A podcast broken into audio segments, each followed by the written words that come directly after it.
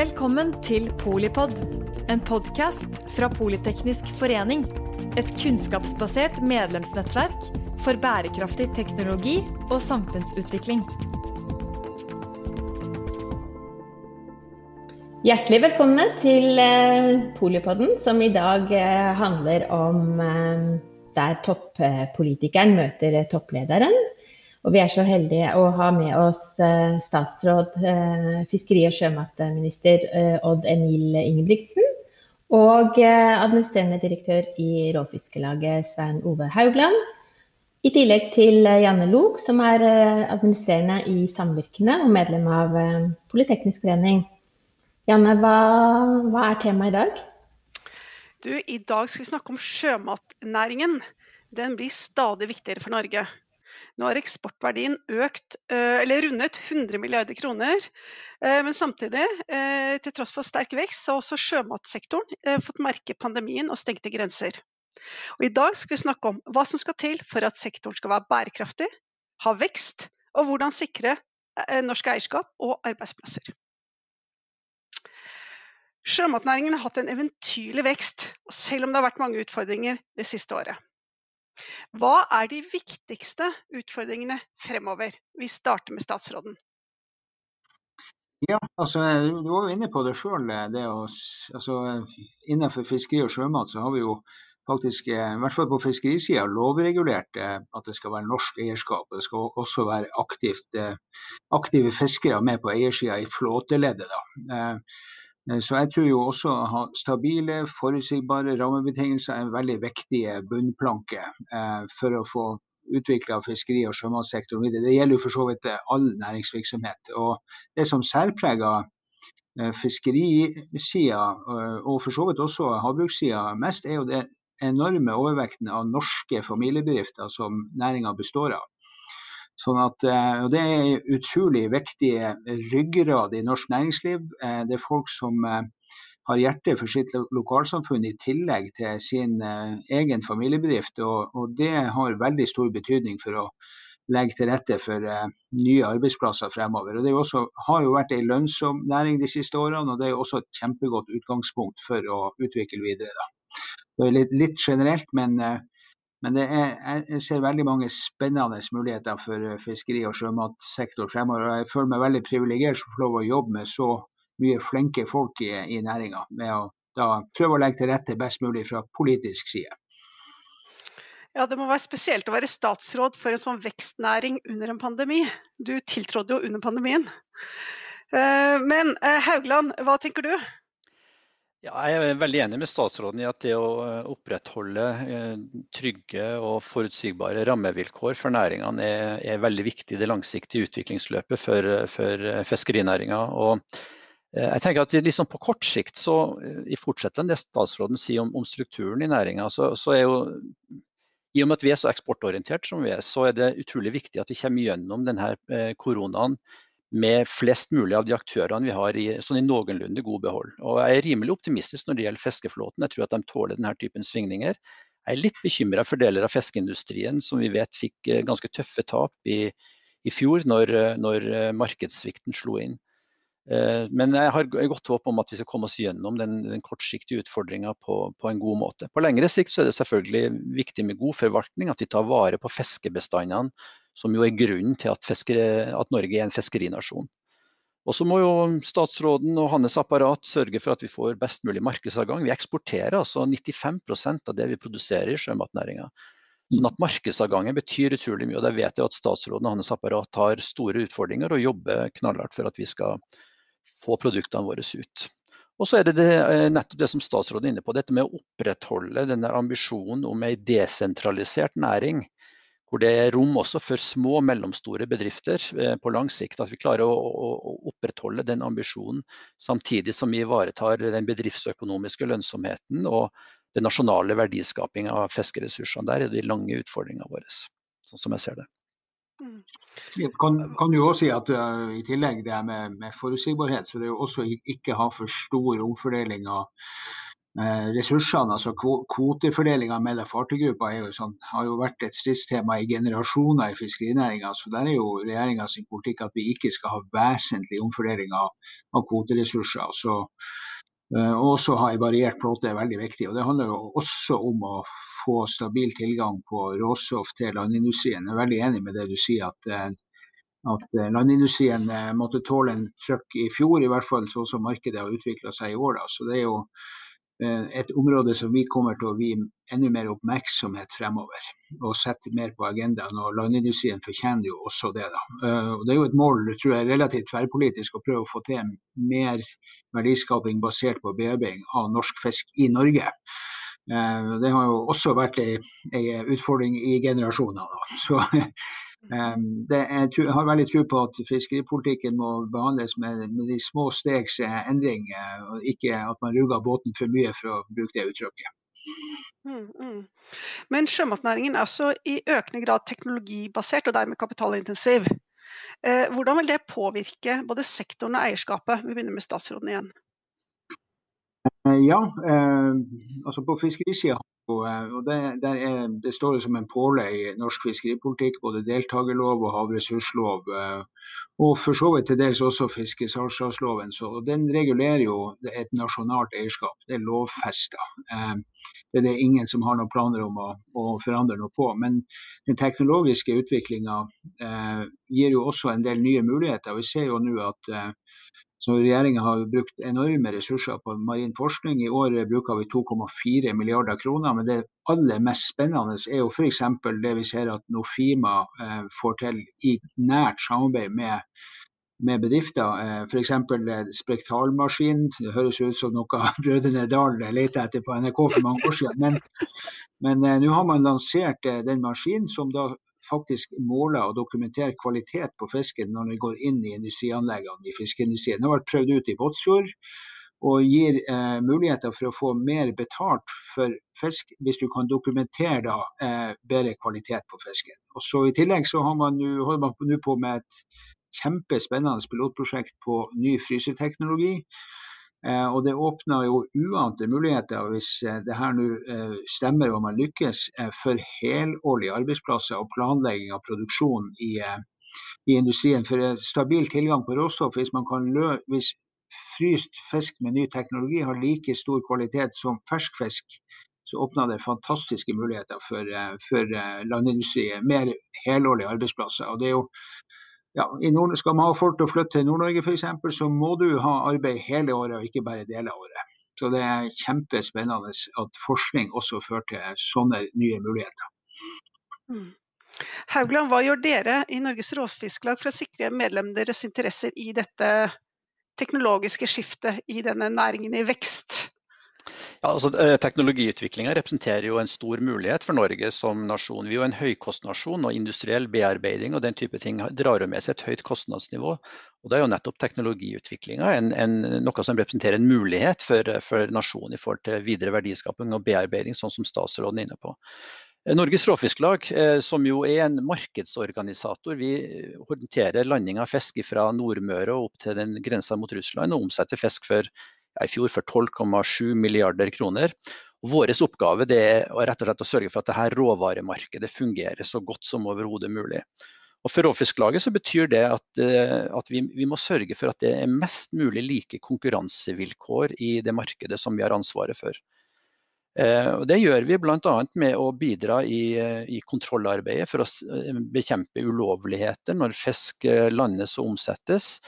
Eh, vi eh, bidrar med mest mulig like konkurransevilkår ved å ha tjenester eh, innenfor salg og oppgjør til fiskerne og i forhold til transaksjonen mot fiskeindustrien som, som, er så moderne og effektiv som overhodet mulig. Så tjenesteutviklinga basert på et digitalt spor som vi har fulgt helt siden si, fra 70-tallet, er veldig viktig i, i, i, den jobben her. Like konkurransevilkår er jo selve fundamentet for at det skal være jeg, liv laga langs hele kysten for å drive både mm. fiskeriaktivitet og, og, produksjonsaktivitet. Så det står veldig høyt på agendaen vår. Det er det flere som har vært inne på i denne podkastserien. Eh, viktigheten, eller eh, fordelen ved eh, det teknologiske skiftet for distriktene. Så det um...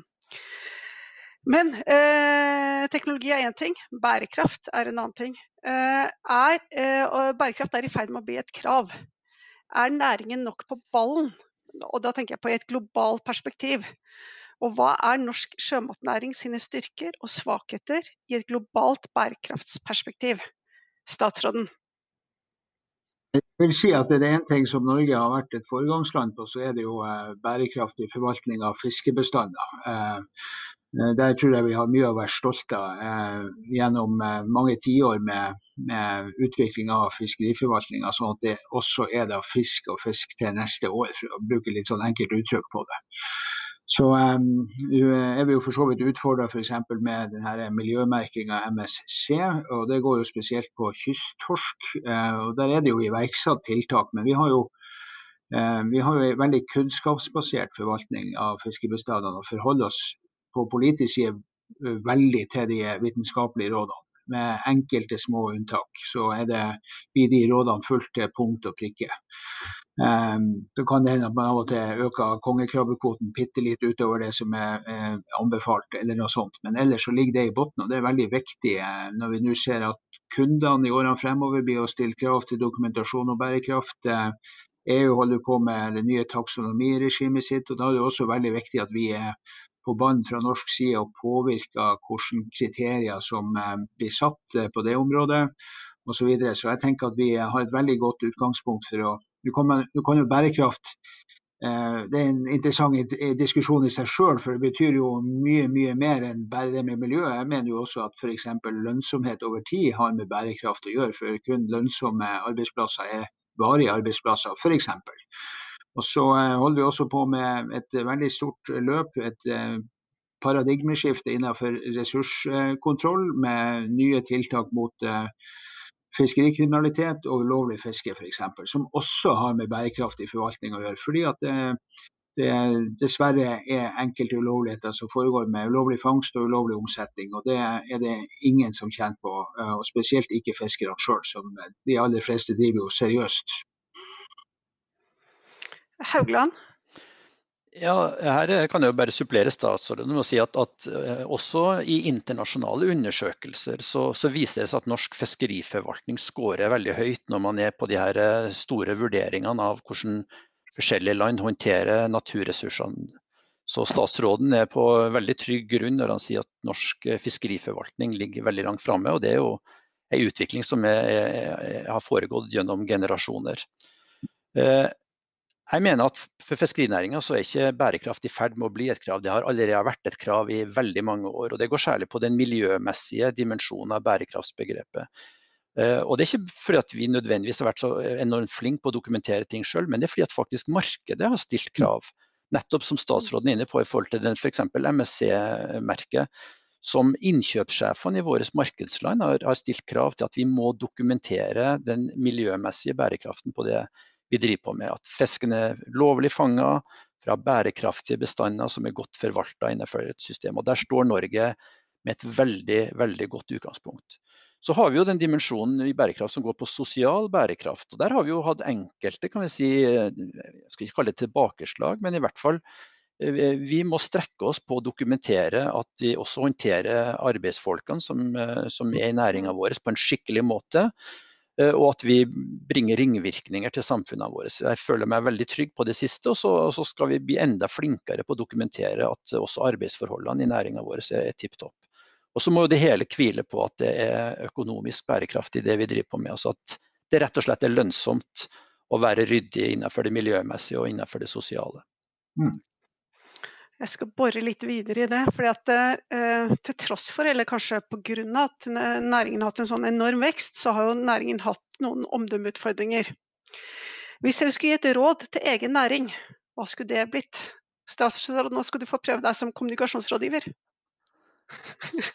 altså, nå tror jeg jo eh, F.eks. når det gjelder det her med bærekraft, hvis vi sier på det miljømessige, så er det nok enkelte folk som syns at det blir mange skjema, det blir mange regler. og vil, mitt inntrykk av eh, altså de som driver på med aktivt fiske, er ganske handlekraftige og, og ubyråkratiske typer, sånn generelt, tror jeg. Eh, så de er liksom generelt litt skeptiske, hvis jeg, spesielt hvis det kommer pålegg fra sentrale myndigheter. Så er det, det er et ord som Eh, Men alle skjønner jo at dette er kjempeviktig. Sånn jeg opplever at det, det er overhodet ikke noe diskusjon rundt nødvendigheten av strenge reguleringer eh, på fiskeri. Selv om det f.eks. nå når vi må, er nødt til å trappe ned eh, fangsten av torsk f.eks. i Skagerrak pga. lav bestand, eller eh, ha innskjerpende tiltak i Oslofjorden, så er det jo forståelse for det. Eh, sånn at eh, jeg opplever at næringa sjøl på det området der er en medspiller. Og så tenker jeg jo at de kan uh, Det er veldig lett at man f.eks. på det her med, med, tiltak for bedre ressurskontroll, så ser man seg litt blind på at det koster 10 000 kroner å installere ny teknologi på, på, de minste fartøyene for å ha sporing på fartøy. Man henger seg litt opp i det. men uh, det, jeg opplever ikke at det er noe fundamental motstand. Det er litt høylytt protest der og da, men det, alle skjønner innerst inne at det der er helt nødvendig å gjøre. Så eh, Men av og til er det lov å være litt engasjert, syns jeg. Så eh, alt i alt så syns jeg det er en veldig, en veldig flott fokus på det fra næringa sin del. Og eh, man ser jo at, at kundene blir å etterspørre det her. Og da det er, det er utrolig sterke krefter i, i kunder når de bruker makta si. Og Det opplever vi jo på sjømat, men så handler det òg om at vi må løfte opp norsk sjømat som som noe av det sunneste du kan spise, og også utrolig klimavennlig. Og Det er jo enkelte myter som henger med, med det, eh, men det må vi bare jevnt og trutt jobbe med, også via Sjømatrådet, som er finansiert av næringa sjøl. Som, ja, så du har et jevnt og godt markedstrykk, eh, også ikke minst i dårlige tider. Eh, det er jo veldig viktig å ikke glemme eller ta for gitt at vi har markedsadgang ute i verden. Vi er helt avhengig som et lite land av å samarbeide tett med omverdenen og ha avtaler om markedsadgang. Eh, vi, vi produserer 36 millioner måltider med fisk hver dag.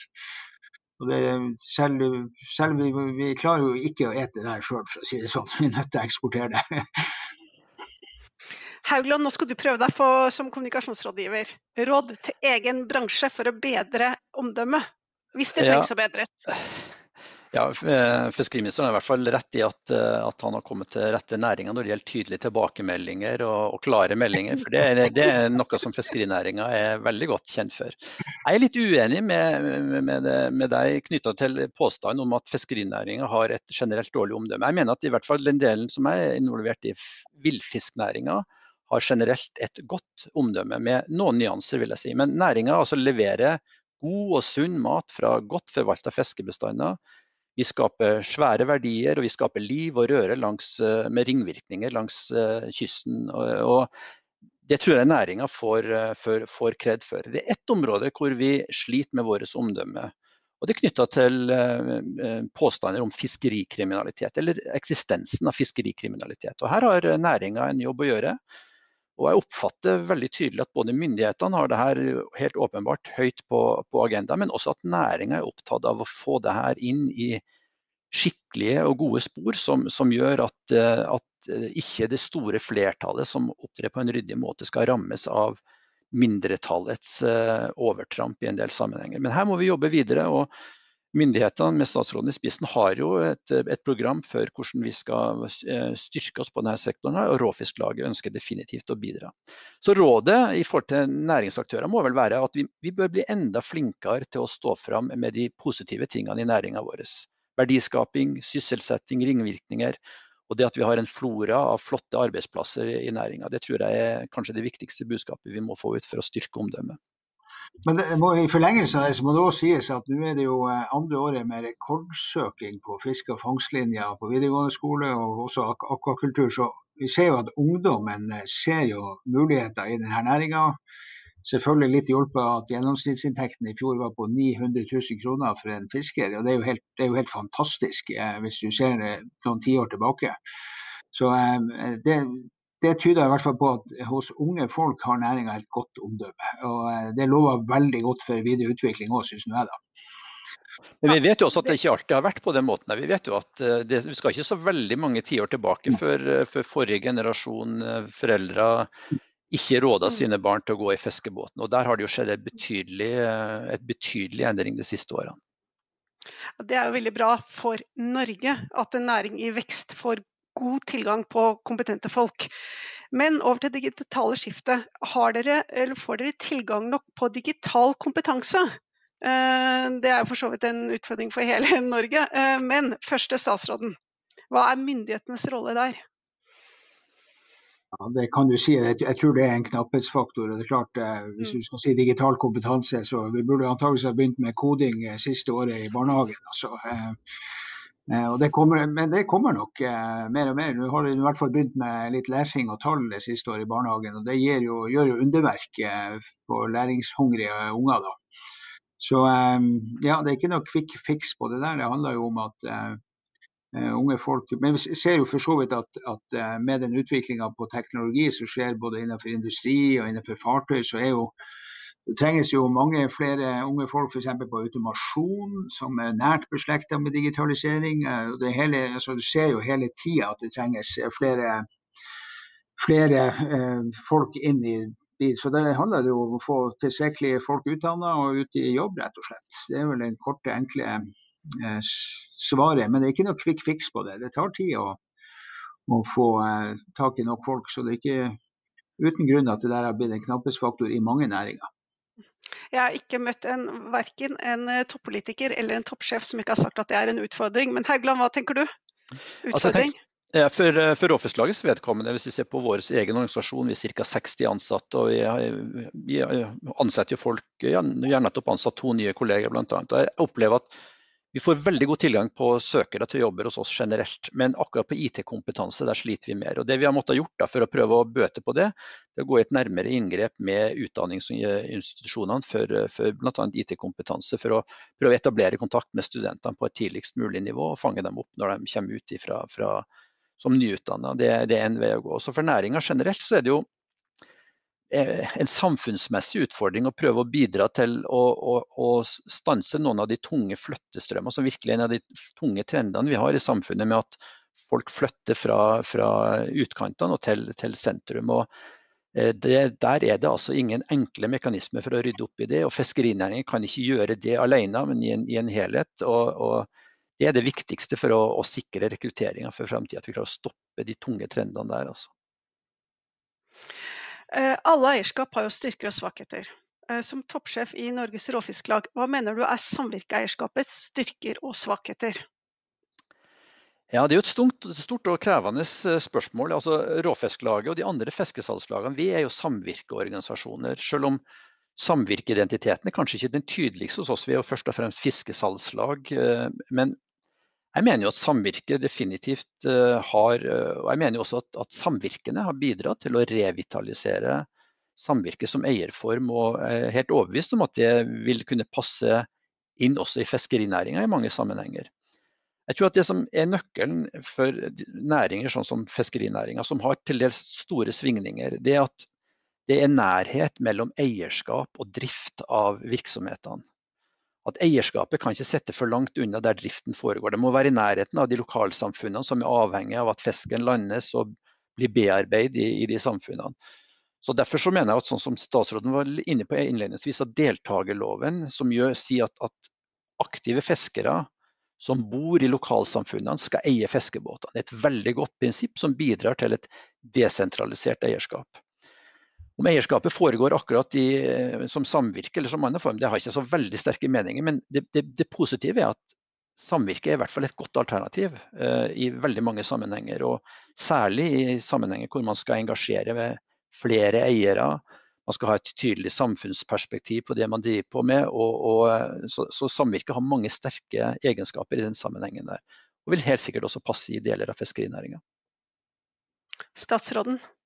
Hva tenker du om samvirkeeierskap? Styrker og mm. svakheter? Ja, Flere styrker enn svakheter, da. jeg tror uh, Uansett uh, selskapsform så er det alltids fordeler og ulemper. Jeg, jeg har jo selv jobba i boligsamvirke i mange år. og ser jo at det er altså Enhver virksomhet, uansett eierform, er jo punkt én avhengig av at et styre er i stand til å ansette en dyktig leder. Eh, og Der løser man veldig mye, uavhengig av hva slags eierform man har. da. Men jeg syns samvirket har noe litt sånn langsiktig over seg. Noen mener jo at eierskapet noen ganger blir litt for langt unna. Men samtidig så er det et, også litt mer sånn langsiktig type perspektiv på eierskapet òg, da. Ikke kanskje så bedriftsøkonomisk som en del andre eierformer. Men eh, jeg syns det er i hvert fall Jeg har hatt kun positive opplevelser med, med det jeg har jobba med samvirket, og ser at den eierformen eh, absolutt har sin berettigelse. Men eierskap i Norge, eller eierskap er jo i liten grad et tema i Norge, utover den der eh, for eller mot statlig eierskap. Og nå står vi midt i et digitalt skift, ledet av globale teknologigiganter. Og det er i ferd med å bli det største eierskiftet noensinne. Nordmenn mener at eierskap er viktig. Eh, trenger Norge et utvalg som utreder hvordan vi skal sikre nasjonal kompetanse og den norske modellen i et globalt digitalt skift? Vi begynner med statsråden. vi har, eh, vi har lovfesta nasjonalt eierskap innenfor fiskeri. Eh, vi har ikke behov for å etter min mening i hvert fall, utrede det noe nærmere. Jeg tror faktisk vi har ganske godt lovregulert de tingene her gjennom deltakerlov bl.a. Og det vi, det vi, trenger, det er faktisk å slutte å diskriminere norsk eierskap gjennom beskatning. Eh, det er jo en litt sånn touchy diskusjon, men jeg syns den er til dels respektløs eh, fra enkelte deler av det politiske spekteret. Vi trenger å eh, fjerne straffen for norsk eierskap, dvs. Si den såkalte formuesskatten på arbeidende kapital, sånn at vi får styrka det norske eierskapet og ikke minst familiebedrifter. Det er ikke uten grunn at til og med både Bondelaget og Fiskarlaget er jo veldig for de endringene som har skjedd. Man har fått økt rabatten på, på formuesskatt på veiende kapital, som er direkte styrking av norsk lokalt eierskap. Og det trenger vi mye, mye mer av.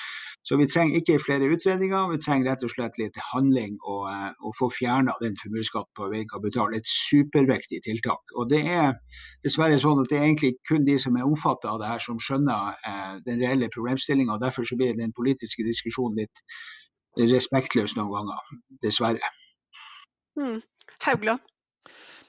Altså, jeg tror i hvert fall at, det, er sunt med en samfunnsdebatt om eierskap og sentralisering av makt. Eh, om det foregår som et utvalg eller ikke, har ikke noen spesielle sterke meninger om. Men altså, det her blir veldig tydelig hvis vi nå går, ser litt utover fiskerinæringa og ser på det som skjer på teknologisida, som du sjøl er inne på. at eh,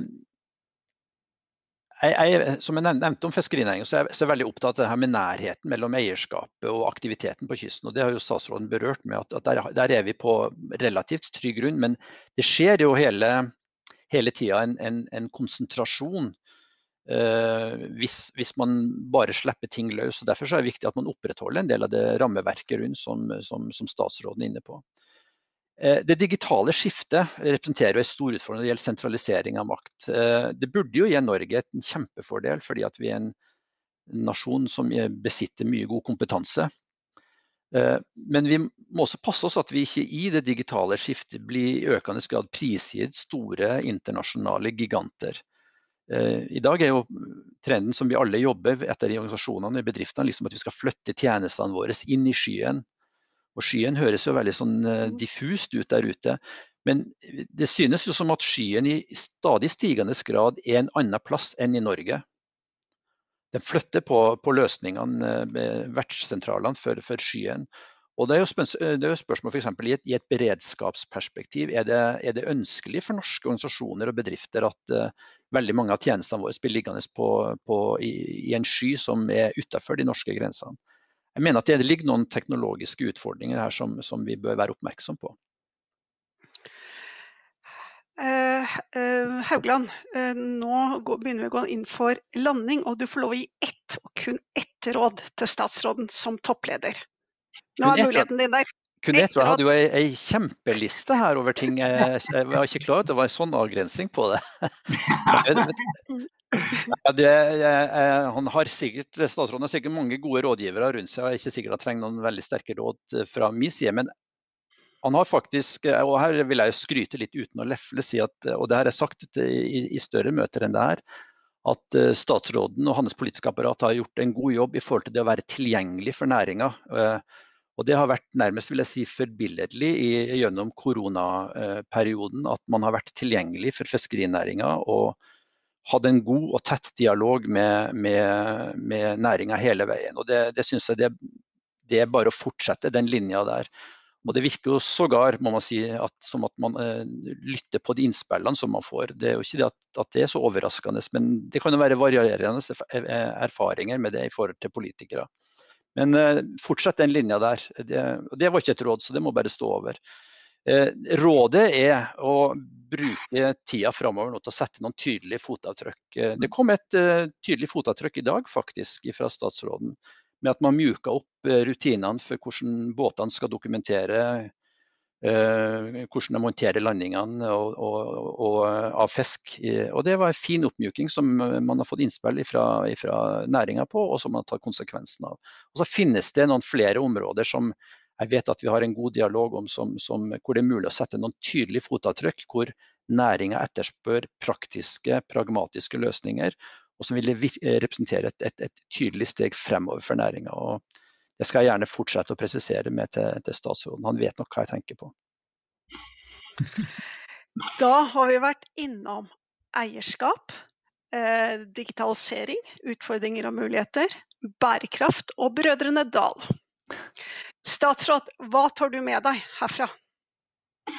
Jeg tar med meg at jeg skal fortsette å være tilgjengelig, og det har jeg også tenkt å være. Og, og, og fiskeripolitikk er jo ikke så mye partipolitikk, egentlig. Det handler jo eh, om næringspolitikk. Det, næringspolitikk og arbeidsplasser bør man ha bredest mulig enighet om for å få mest mulig stabilitet når man skal drive næring. Da. Men jeg tenker for min del er jeg veldig mulighetsorientert. Og jeg tenker jo at eh, ok, vi har eh, kanskje noen digitale trusler, men vi har også mange digitale muligheter. En, en trussel er ofte en mulighet i forkledning. da. Så jeg så jo nå eh, min kollega i etasjen over, eh, næringsministeren, nå utlyste Norges to første stillinger i staten, hvor du sjøl kan velge hvor du vil bo.